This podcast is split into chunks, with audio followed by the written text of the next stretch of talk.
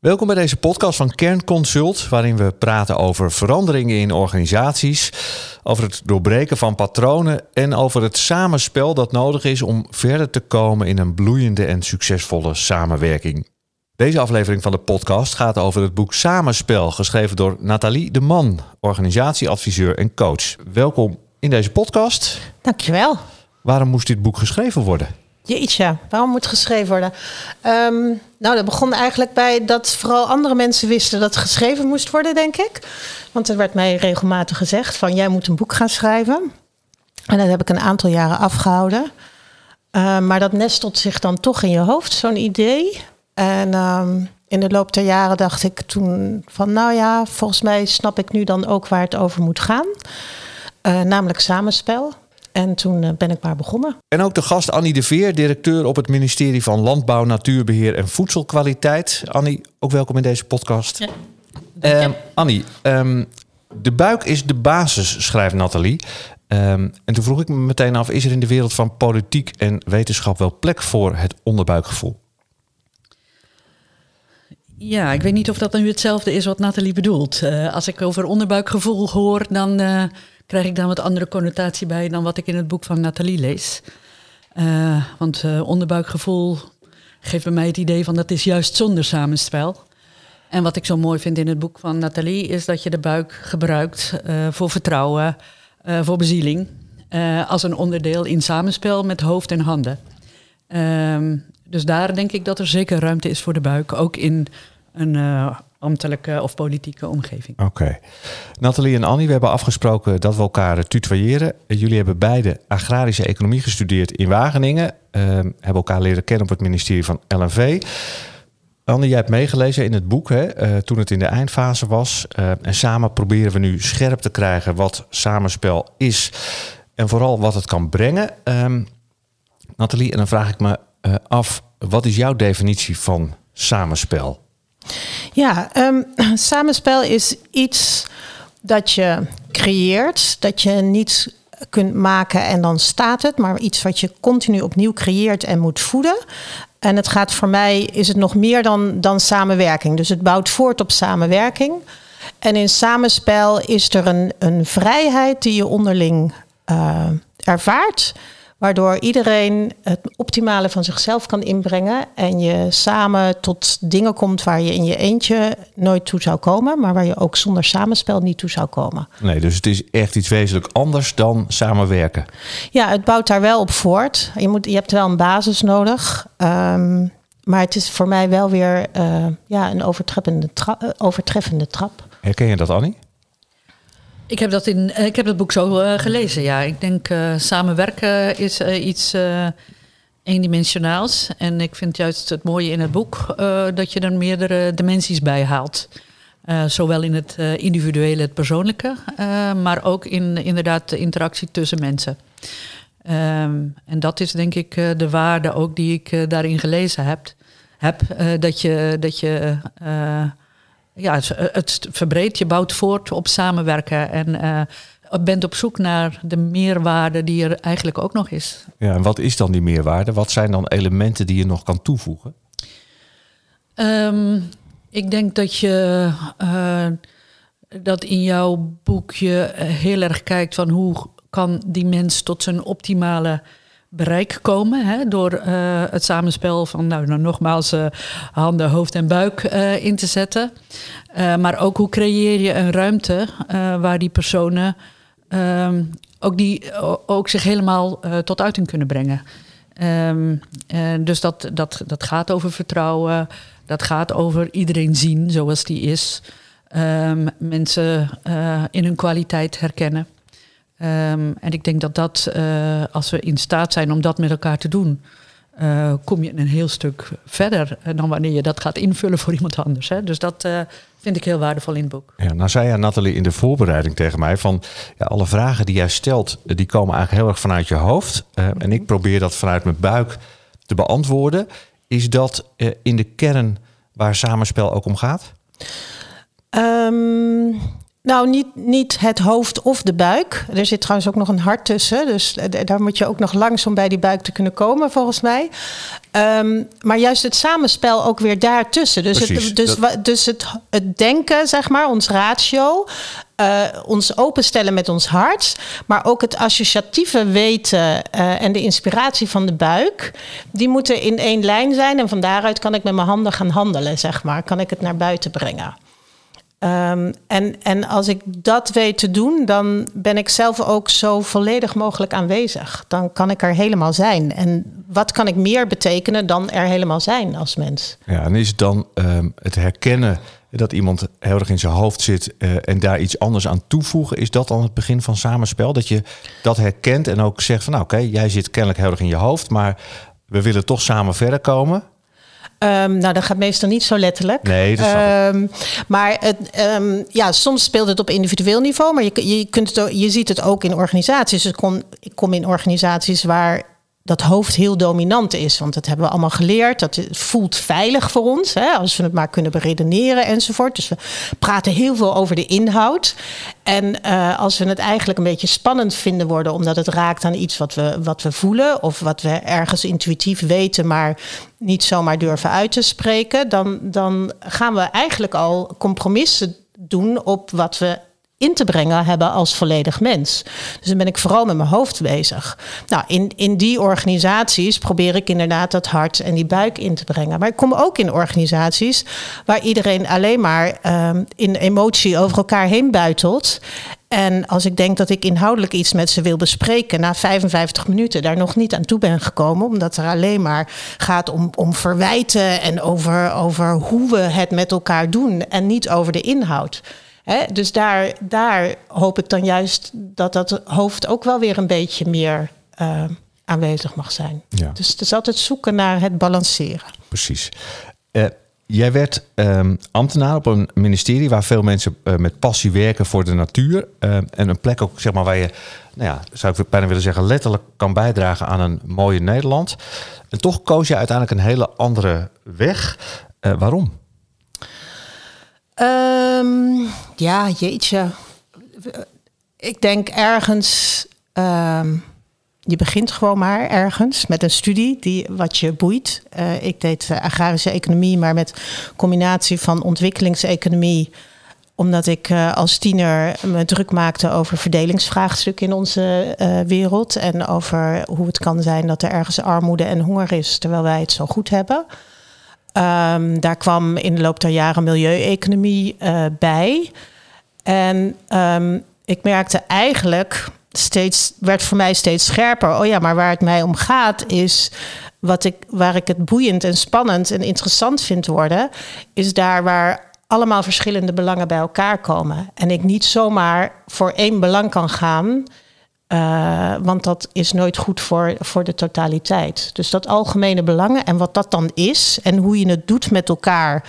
Als er zoveel, hè, als het niet alleen natuur is, maar er is ook landbouw en, en, en er is ook, we moeten wonen en er is ook, we willen in het groen recreëren en er is ook nog, maar we moeten ook nog werken en daar hebben we een fabriek voor nodig. En hoe doen we dat dan uiteindelijk? Wat voor keuzes maken we daar dan in met elkaar?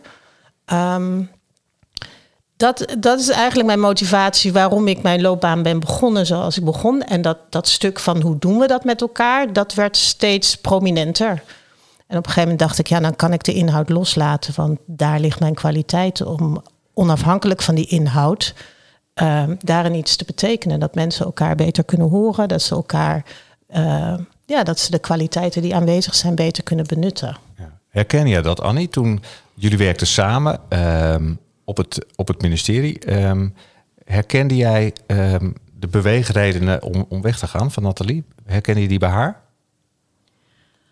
Ehm, ja, ik denk dat ik dat misschien niet op dat moment niet, maar eh, ik, eh, want we, toen waren we al een stukje, eh, of waren we ieder al op een andere plek beland. Maar ik herken dat zeker naar wat ik daarna gezien heb, heel erg. Want Nathalie heeft zo'n, denk ik, hele scherpe blik naar de mens, maar ook de mens in de organisatie. En kan die verbinding heel mooi maken tussen wat, hè, wat doen deze mensen in de organisaties en wat zijn die individuen daarin en wat betekent dat voor het geheel.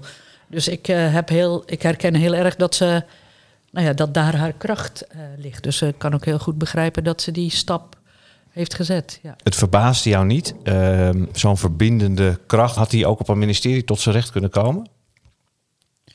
Oh, dat denk ik zeker. Ik denk dat we op ministeries uh, die kracht uh, absoluut ook uh, nodig hebben. dus wat dat betreft had ze wat mij betreft niet naar een andere plek hoeven gaan.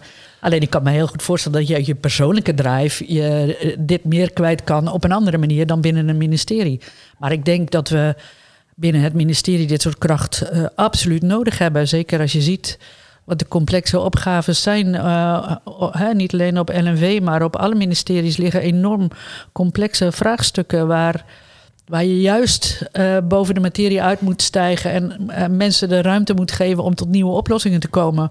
Omdat de oplossingen niet eendimensionaal zijn. Dus ik denk dat, dat je die kracht absoluut goed zou kunnen benutten. Ja. ja, en iemand moet hebben eigenlijk die zegt: ja, dit is het pad waarop we het eigenlijk altijd doen. Maar laten we nou eens in de berm van dat pad gaan staan en kijken of er nog andere wegen zijn.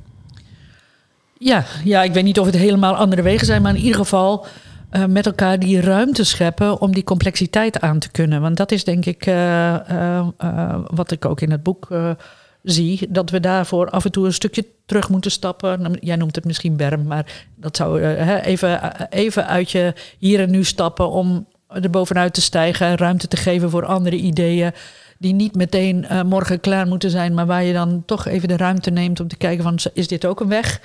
Uh, ik denk dat dat uh, heel waardevol zou zijn in deze complexe vraagstukken. Ja, je noemt dat de, de roze olifant. Uh, ja, nou, de, de, roze olifant voor mij, uh, met dank aan een collega die dat altijd zo mooi verwoordt, dat is vaak iets wat, wat aanwezig is in een ruimte als er spanning is, maar wat niet uh, benoemd wordt. Um, hè, en dan, dan is mijn kracht soms dat ik benoem wat er maar niet gezegd wordt, maar iedereen voelt het. En doordat je het benoemt, kan het bespreekbaar worden en, en wordt het minder uh, dominant en minder afleidend. Kan, kan het zich ombuigen naar iets positiefs. Maar wat ik heel erg hoor in wat jij nu zegt, is veel meer de uitdaging om ook om te gaan met onzekerheid. En ja. Dat vinden we als mens zo ontzettend ingewikkeld. Um, voor mijzelf ook hoor. Maar ik denk uh, uh, dat je, hoe meer we weglopen voor die onzekerheid, hoe meer we weglopen voor wegen waar uiteindelijk de oplossing ligt. En we, we zijn vaak zo op zoek naar houvast dat, we, dat maakt dat we schieten naar ons hoofd. Want daar denken we houvast te vinden. Maar dat is voor mij heel veel schijnhouvast. Nou, de zekerheid van als er iets verkeerd gaat, dan weet je in ieder geval, je hebt een soort uitgangspunt. Ja, ja precies. en dan, dit kan het niet. Ja, en, en terwijl als we nieuwe wegen willen vinden, dan zullen we juist die onzekerheid moeten omarmen en ermee durven leven. En het soort van durven uithouden uh, in, in ik weet het niet. En ik merk dat zelf ook. Als soms is er een klant en die doet beroep op mij en die denkt. En, en als dan bijna letterlijk wordt gezegd, dan weet jij het wel. als ik dan de vergissing maak en denk dat ik het dus moet weten met mijn hoofd, dan zit ik het zelf in mijn hoofd en dan ga ik precies hetzelfde doen als de klant en dan ben ik niet van meerwaarde. Als ik durf het niet te weten met mijn hoofd en geen directe oplossing heb, maar wel kan gaan kijken en voelen en de tijd nemen van hé, hey, maar wat, wat is hier nou aanwezig en waar, wat wordt nog niet benut? Uh, wat is er nog mogelijk wat we uh, nog niet, ja, de ruimte hè, de, scheppen om, om te experimenteren, om te onderzoeken enzovoort. Nou, als ik daarin durf te stappen en mensen volgen mij, want die mevrouw weet het dan of zo, denk nou echt niet, maar ik durf er wel in te stappen.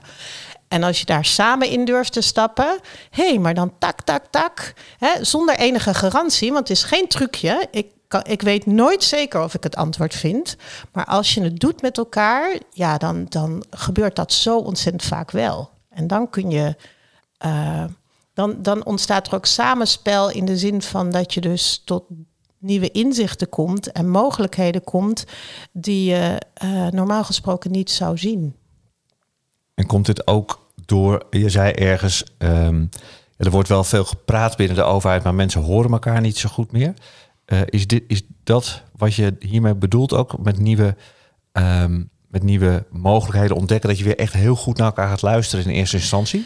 Ja, ik, denk, ik denk um, heel praktisch gezegd is ambtenaren functioneren binnen een politieke context. Daar is, gaat het om debat. En gaat het om uh, een vorm die al hè, jarenlang is uitgeoefend door de politici en, en, en tot een kunst is verheven van um, we moeten elkaar overtuigen en we moeten de argumenten neerleggen en dan um, is er een winnaar en een verliezer aan het eind. Uh, als je tot nieuwe mogelijkheden wil komen, dan moet je volgens mij daarnaast ruimte scheppen voor dialoog. En dialoog is een totaal andere grondhouding dan weet ik dat ik een stukje van de waarheid heb, maar niet de hele waarheid. En dan als wij hier met z'n drieën iets proberen uit te vogelen, dan heb ik dus ook te luisteren naar Annie's waarheid. Want daar zit ook een puzzelstukje in wat waar is. En jij weet waarschijnlijk ook iets in te brengen wat ik niet zie, wat niet mijn perspectief is, maar wat uiteindelijk wel behulpzaam kan zijn tot uh, de oplossing. En, en dat is een hele andere manier van naar elkaar luisteren. Um, en ik hoop dat we daar steeds beter in worden met elkaar. Wanneer ontdekte jij daar de kracht van, Annie, van, uh, van dat samenspel, van zo met elkaar omgaan? Um, ja, ik denk dat je in je carrière of op je werkpad altijd wel situaties uh, tegenkomt uh, waar je wel de ruimte en de tijd neemt om eens met elkaar op die manier in gesprek te gaan. Eh, ruimte te en nieuwsgierig te zijn, uh, geïnteresseerd te zijn, iedereen zijn inbreng laten leveren en dan kijken waar, je, waar je uitkomt zonder daar op voorhand een plek op voorhand te weten waar dat precies moet zijn. dus dat kom je tegen en je zit ook in, in situaties waar daar gewoon geen mogelijkheid toe is. Hè? Dus je komt op je pad dat soort situaties tegen en je weet ook uh, wat de kracht is van het een. Maar er is ook kracht in het ander. Hè? Ja. Um, want ik denk dat uh, we zitten natuurlijk in een politieke context. Uh, waar jij zei van ja, dat is helemaal geënt op debat. Maar dat, daarachter zit ook een maatschappij. die natuurlijk ook zich ontwikkelt. en daar merk je dat het enorm lastig is om in die politieke context heel erg los te laten, tijd te nemen, uh, en dat, dat ligt niet alleen aan ambtenaren, dat is denk ik ons hele construct waar we in werken, waar dat zo is. Tegelijkertijd zie ik ook wel in de, in de overheid heel veel pogingen als het gaat over wijken, want die zitten ook in jouw boek, als het gaat over regio's, uh, in het geval van de NNV, om te experimenteren met juist dat andere stuk.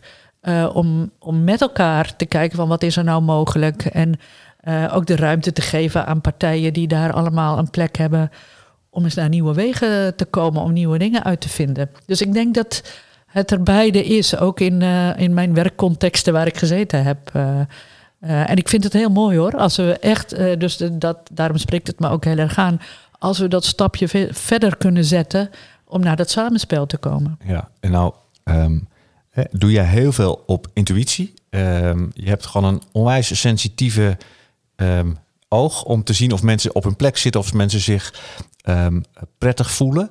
Um, hoe, hoe zie je dat aan iemand? Want uh, je hebt een club mensen die zitten bij elkaar en dan toch ergens moet dan opvallen: hey, met meneer A kan ik wel wat. Hè, en meneer B moet ik een andere weg mee bewandelen. Nou, dankjewel voor het compliment. um, ja, ik denk dat is ten eerste ervaring, maar het, het, het is ook, uh, je ziet uh, denk ik heel snel, maar dat is of mensen ook zichzelf de ruimte gunnen uh, om te kijken naar die ander, om uitnodigend te zijn. Of dat mensen heel erg bezig zijn in, uh, ja, in hun hoofd, zeggen wij dan altijd, uh, om, om, om het direct te weten. Hè? om direct een antwoord klaar te hebben, om meteen de situatie te kunnen inschatten. Ja, dat, soms zie je het al aan de houding van mensen. Dus ja, dat is denk ik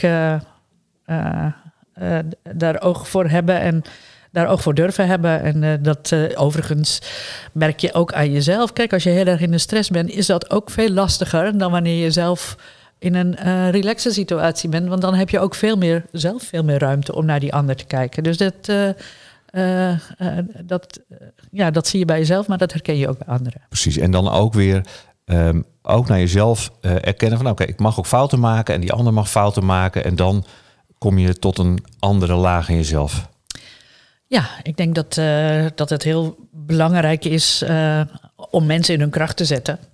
eh, om die ruimte te geven. En om eh, inderdaad, de mo- eh, mensen mogen fouten maken, mensen maken fouten, mensen mogen fouten maken.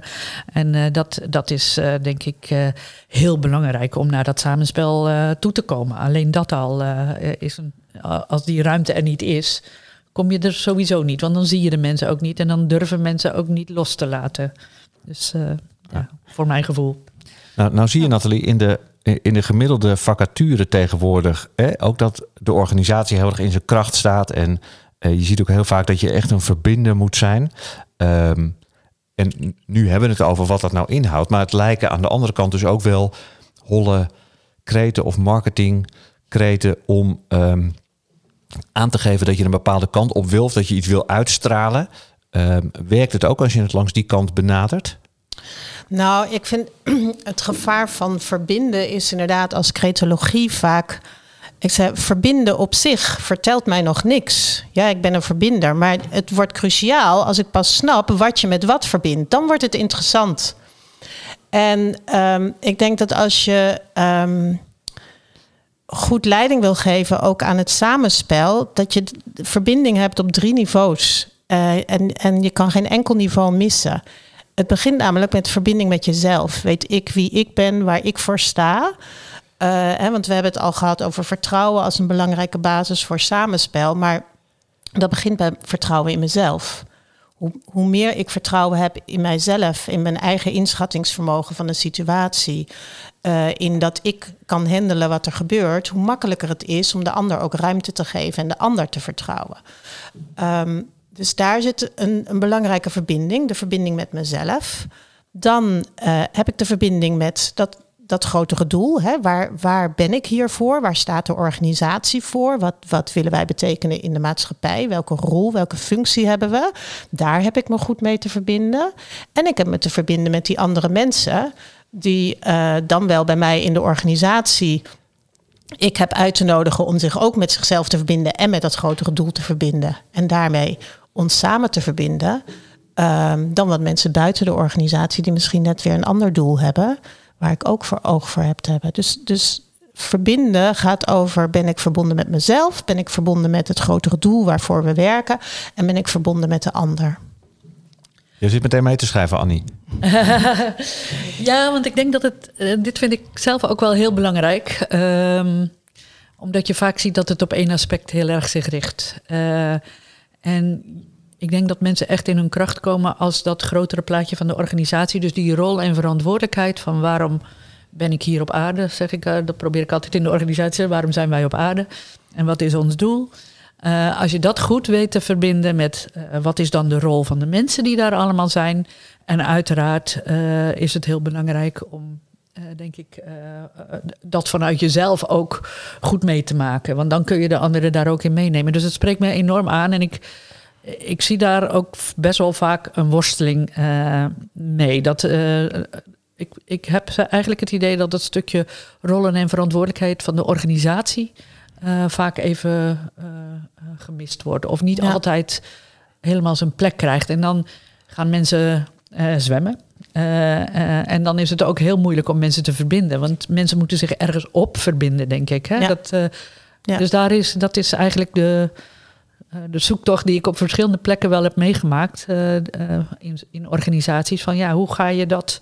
Hoe breng je het bij elkaar? En daar moet je steeds naar op zoek gaan. Ja. Heb je daar begin van een oplossing van gevonden, hoe je dat dan bij elkaar brengt? Nou, dat is in elke organisatie ook wel weer anders. Hè? Dus, uh, um, maar ik, uh, elke keer in de organisaties heb ik, heb ik eerst de tijd genomen om eens te kijken van uh, ja, waarvoor zijn we hier op aarde. Dus daar moet je ook zelf een beeld bij hebben, denk ik. Om vervolgens dat met de organisatie ook uit te werken. en ik zeg altijd, we moeten een kapstok hebben waar iedereen zijn taken aan kan hangen. Om, want dat is de gemeenschappelijkheid. En dat is uiteindelijk ook de, verbind, de verbinding die je, die je zoekt in een organisatie. En, en, daarmee bouw je trouwens tegelijkertijd aan vertrouwen. Omdat mensen snappen waarom ze op welke plek zitten. Ja. He, dus ja. dat geeft ook vertrouwen. Ja. Als je zwemt, dan, dan wordt het onzeker. Dus dan, dan uh, ga je je ook anders gedragen. En dan kun je ook niet verbinden, hè? Nee. Uh, want uh, dan, ja. dan is niet duidelijk waarom de een en de ander... Wat, wat de rollen zijn en waarom ze... Iets met, waarom ze elkaar kunnen versterken ook. Ja, is denk ik, ja of, en, en wat ik veel zie is dat mensen zich dan heel erg met de ander gaan verbinden of met elkaar gaan verbinden, eh, maar dan de verbinding met zichzelf juist verliezen.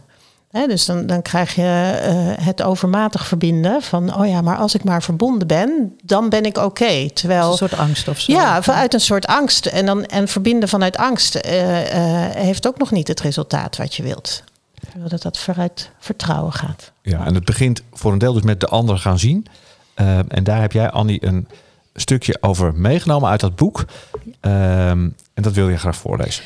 Ja, vond ik een hele mooie tekst. Ehm, eh, de ander gaan zien in de mens die jij is, met alle kwaliteiten en tekortkomingen die daarbij horen. De ander daarin accepteren. Nieuwsgierig blijven naar de ander, niet voor hem of haar gaan denken. Dat helpt om elkaar te vertrouwen. Dus wil ik die collega's ook graag zien als mens. Niet alleen het zakelijke deel dat ze meebrengen naar het werk, maar ook zicht hebben op wat hen drijft en wat hen ook buiten het werk raakt en beweegt. Ik vond dat echt heel mooi. Nou, dankjewel. Ehm, ja, het is inderdaad heel mooi en het is denk ik ook heel waardevol. Ehm, als ik kijk op de plek waar ik nu werk, daar word je ook hè, in het geheel gezien. Dus je wordt niet gezien als werknemer alleen, maar in de hele context van wie je bent. Ehm, ik heb ook wel bij organisaties gewerkt waar hè, die, die persoonlijke interesse ehm, ja, een soort verplicht nummer was. En dan voelt het natuurlijk, het kan ook heel knellend en heel eh, raar voelen. Dat je, nou ja, weet je, ik heb collega's, het zijn geen vrienden, het zijn maar collega's. Ja, eh, maar, ik, is- volgens mij staat er ook niet dat we allemaal eh, verliefd moeten worden op elkaar of eh, eh, hele eh, erge vrienden eh, van elkaar moeten worden. Maar het gaat om een basisinteresse, zo lees ik het. Ehm, eh, dus dat je eh, die ander ziet in wie die is en wat hem drijft. Eh, en daar- daarvoor hoef je niet eh, per se eh, eh, helemaal met elkaar eh, eh, eh, vastgeknoopt te zitten. Ik denk dat, want het blijft inderdaad een zakelijke context. Dus dat, eh, maar zo, ik lees wel dat, eh, ja, eh, volgens mij heeft iedere, ieder mens in de basis de behoefte om gezien te worden. En ik denk dat je dat hier eh, beschrijft en dat het heel waardevol is op als je in een organisatie zit om daar aandacht voor te hebben. En iedereen doet dat denk ik ook op zijn eigen manier. Eh, nou ja. Als, het, als het een trucje wordt, werkt het niet meer. Hè? Dat is wat jij vertelt. Precies, dus het heeft ja. wel echt te zijn. En dat betekent dat ik er ook echt in moet geloven dat het zo werkt of dat dat relevant is. Ja, een van de andere dingen eh, die jij eh, vertelt is, eh, of die je voorleest, is niet denken voor de ander. En dat is natuurlijk iets wat nou ja, in de wereld van dit moment voortdurend gebeurt. ja, is Toch? een- ja. En ook in de politieke context waarin jij werkt. ehm, je bent natuurlijk voortdurend bezig met hoe de Kamer of hoe de branche of hoe iemand anders, dat is een deel van het werk, om al te anticiperen op hoe de ander denkt en zal reageren. Ja, maar dat is iets anders dan denken voor de ander. Hè? Eh, dus ik denk, want het, voor een stukje is dat ook het zien. Ik denk dat we als ambtelijke ambtenaren enerzijds heel goed ons moeten verplaatsen in die partijen die in de Kamer zitten. Dus dat is niet denken voor die partijen, maar denken wat gaan ze inbrengen. Eh, maar dat geldt ook voor de buitenwereld. Hè? We hebben ondernemers, we hebben eh, NGO's, mensen die bevlogen zijn. Dat is onze hele context. En ik denk dat het heel belangrijk is dat je die mensen ziet eh, in eh, wat hen drijft, eh, in hun eigen context. eh, en, en, en daarmee eh, je eigen traject gaat bekijken.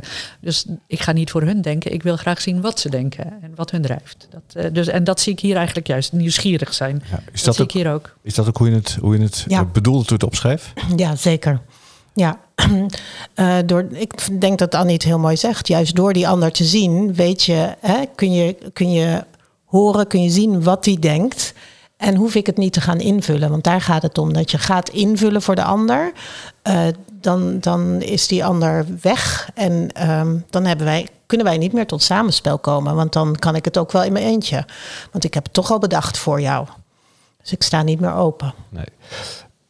Als je, als je bij een organisatie binnenkomt, ehm, dan vertel je wat je gaat doen. ehm, en dan moet je uiteindelijk ook mensen zover krijgen dat ze zich open gaan stellen voor samenspel. Wat is dan de, de kernvraag, de eerste vraag die je, die je stelt om hen op dat pad te krijgen? Poeh, ja, meestal beginnen zij met een vraag te stellen. Ehm, en ga ik uh, op zoek naar de vragen achter die vraag. Hè? Dus heel vaak krijg ik een vraag over vorm. En hebben ze, of ze hebben al een oplossing bedacht voor een probleem. En dan wil ik weten of dat uh, inderdaad ook de oplossing is waar ik toe zou komen. Dus ik wil gewoon eerst weer terug naar het uh, probleem. Maar als ik dan um, probeer te voelen of er. Ja, uiteindelijk probeer ik te voelen of er een verlangen is ergens naar. Want dat is voor mij het aangrijpingspunt van hé, hey, wat, wat is de potentie? Waar willen we eigenlijk heen? Wat is dat mooiere uh, perspectief uh, waar we eigenlijk zo graag willen komen? Waar we eigenlijk misschien ook wel weten dat we moeten komen om onze rol goed in te vullen. Um, maar we durven het eigenlijk bijna niet toe te laten. En, en daar, daarmee verlies je heel veel uh, uh, drijvende kracht, zeg maar. Dus ik denk dat een, een vraag die ik mezelf wel regelmatig hoor stellen is: wat gun je jezelf? Of wat gun je jouw organisatie of jouw organisatieonderdeel? En wat is dan een antwoord dat je hoort? Um, nou, dat het stroomt, dat er samenspel is, dat je meer bereikt dan, hè, dat, dan, dan 1 plus 1 is 2, maar dat je komt tot 1 plus 1 is 3, of misschien zelfs 11. Ja, en dat je komt tot iets dat het hoofd zeg maar niet kan uitleggen, maar dat het toch is. Ja, weet je, ons, ons hoofd is ongelooflijk belangrijk bij het analyseren en ordenen van dingen. Um, kan ook heel behulpzaam zijn in de communicatie. Um, maar met onze buik, daar zit zeg maar ons associatieve vermogen. Uh, en onbewust kunnen we veel en veel meer verbindingen leggen dan dat we rationeel kunnen. En daardoor weten we soms goed waar we moeten zijn, maar we kunnen het nog niet goed uitleggen, want die, die, die buik zit veel te ver weg van ons taalcentrum. Dus we hebben er vaak geen woorden voor. Hè? Dus, dus het is vaak een gevoel dat iets niet klopt. Uh, ik, ik, voor mij was een heel groot leermoment weet ik, op het ministerie. Ik moest een, een nota schrijven aan de directeur-generaal. Nou, ik was nog maar een broekie, dus dat was wel een dingetje, zeg maar. En ik had gewerkt en er hadden heel veel mensen naar die nota gekeken. En uh, ik dacht, ja, is wel goed. Alleen dat ene zinnetje, dat zat me niet lekker. Maar ja, mijn hoofd kon niet uitleggen waarom dat zinnetje niet goed was. Dus ik denk, nou, niet zeuren, hup, nota weg. En ik krijg die nota terug. En wat staat er op dat nota? Dat ene zinnetje, dat is aangekruist. Daar staat een uitroepteken bij. En dat was dus inderdaad niet goed. Maar ik heb niet geluisterd naar dat gevoel. En uh, dus dat, dat, weet je, dat zijn van die kleine leermomenten dat je denkt van ja, soms weet je buik iets terwijl je hoofd nog niet de woorden heeft. En uh, in de loop der jaren um, ben ik gaan leren om daar meer de tijd voor te nemen. Ja, ja ik, ehm, ik heb het je ook zien doen bij een organisatie. Uh, waar uh, men op zoek was naar, uh, nou ja, wat drijft ons nou? En eigenlijk iedereen had wel het gevoel van, nou, we weten het wel, maar ook geen woorden ervoor. Dus door daar echt met elkaar het goed aandacht voor te geven en daar nou, ruimte voor te geven om om dat met elkaar te onderzoeken, bleek eigenlijk, uh, vond ik toen uh, heel mooi, uh, dat er een heel, hele grote gemeenschappelijkheid was over waar, waar iedereen zijn ziel en zaligheid in gaf, zeg maar, voor die organisatie. Maar daar, daar was geen gemeenschappelijke taal voor. En eigenlijk door daar een keer heel goed aandacht aan te besteden en bij stil te staan, kwam dat wel. Dus dat, dat heb ik je zien doen en dat vond ik echt heel waardevol, ja. Ja, is dit um, ook een moment om zeg maar dat stuk voor te lezen dat jij geselecteerd hebt over het opzoeken van de liefde? Um, ja, oh, dan gebruik je meteen een groot woord. Hè. Het woord liefde gebruik ik eigenlijk nooit zo vaak als ik aan het werk ben. Maar ik heb het wel gebruikt in het boek. Omdat het wel voor mij iets is waar ik um, op de momenten dat ik reflecteer op de organisaties waar ik werk, uh, wel mee werk voor mezelf. En mijn stukje vraagt dan een kleine inleiding. Namelijk als we het hebben over vertrouwen. En ik heb al gezegd, vertrouwen in elkaar begint bij vertrouwen in mezelf. En vertrouwen in mezelf vind ik door uh, zelfliefde, door acceptatie van wie ik ben. En um, het besef dat ik eigenlijk mag genieten van wie ik ben en dat ik dat mag inbrengen. Dus vandaar het woord liefde, wat je ook terugkomt in, uh, in dit stukje tekst. En je begon uh, met waarom heb je dit boek geschreven? Dit stukje, stukje tekst gaat ook daarover. Um, Want het is de context van waarom samenspel nodig is. Het is geen ding op zich, maar we hebben het nodig. Als we de liefde opzoeken en durven toe te laten, dan kunnen we gaan werken vanuit vertrouwen. In veel situaties lijkt het gekke werk om te vertrouwen. Naïef op zijn minst, maar waarschijnlijk gevaarlijk. Schijn bedriegt. Alleen door ervoor te kiezen om te gaan werken vanuit vertrouwen, kunnen we de grote uitdagingen van deze tijd aan. Kunnen we werkelijk samenleven en werken vanuit samenspel. De gevaren die we creëren door geen antwoorden te vinden op onze maatschappelijke uitdagingen zijn groter. Ze zijn groter, groot genoeg om het risico, tussen aanhalingstekens, van liefde te nemen. We worden uitgedaagd om ons aan de liefde over te geven. Ja, prachtig. Prachtig. Maar dan heb ik, dat zal wel heel erg vanuit het hoofd zijn, toch het beeld van nou ja, een bedrijf met een aantal heren die bij elkaar gebracht moeten worden. Mannen in pakken, misschien één of twee zelfs met een chauffeur. Eh, het is een, nou ja, een, een drukke beursgenoteerde onderneming. En daar komt uh, Nathalie de Man binnen en die zegt tegen die heren... Nou mannen, fijn dat we er zijn. We gaan eerst eens even beginnen met het opzoeken van de liefde. Ja, nou ja. En nou maak ik er misschien nu een beetje een ja, dat zet, eh, karikatuur ik- van. Maar Ja, ja, dan zet ik mezelf al eh, buitenspel bij voorbaat. Ik, ik hoop. te- nee, daar, ik zeg dat woord gebruik ik niet zo vaak. Maar, maar ik ga wel. ehm, ik ga me eerst verbinden met wat hen drijft. Eh, in welke context zitten zij? Wat, waar, waar leven ze voor?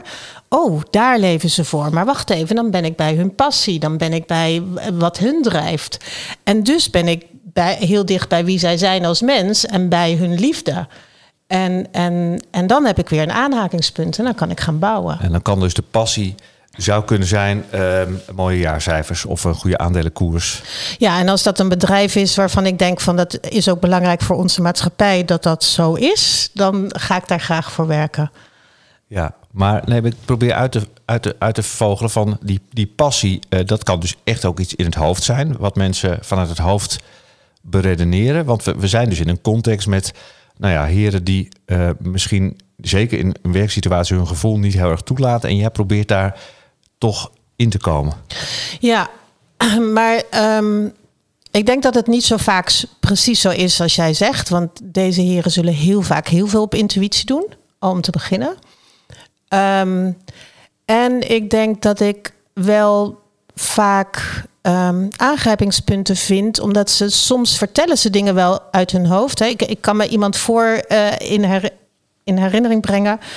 Een manager en die zei: Ja, voor mij is het een driehoek. Ehm, de kwaliteit van het werk dat we leveren. Ehm, of iemand op zijn plek zit en zichzelf kan ontwikkelen. En of wij financieel eh, op orde zijn. Dat is voor mij een driehoek. En dat zijn allemaal gelijkwaardige dingen. Ja, en dan zeg ik sorry, maar daar geloof ik geen donder van. Want als, als echt puntje bij paaltje komt, dan is er één van de drie die voor jou belangrijker is dan de rest. En, want, want hij is een mens. Dus, dus ik kan met mijn hoofd wel bedenken dat het gelijkmatig moet zijn. Of gelijkwaardig. Maar ehm, ergens is dat niet zo. En dan mag ik hem leren kennen. En dan denk ik, oh ja, maar eigenlijk gaat het jou uiteindelijk om die ontwikkeling van je mensen.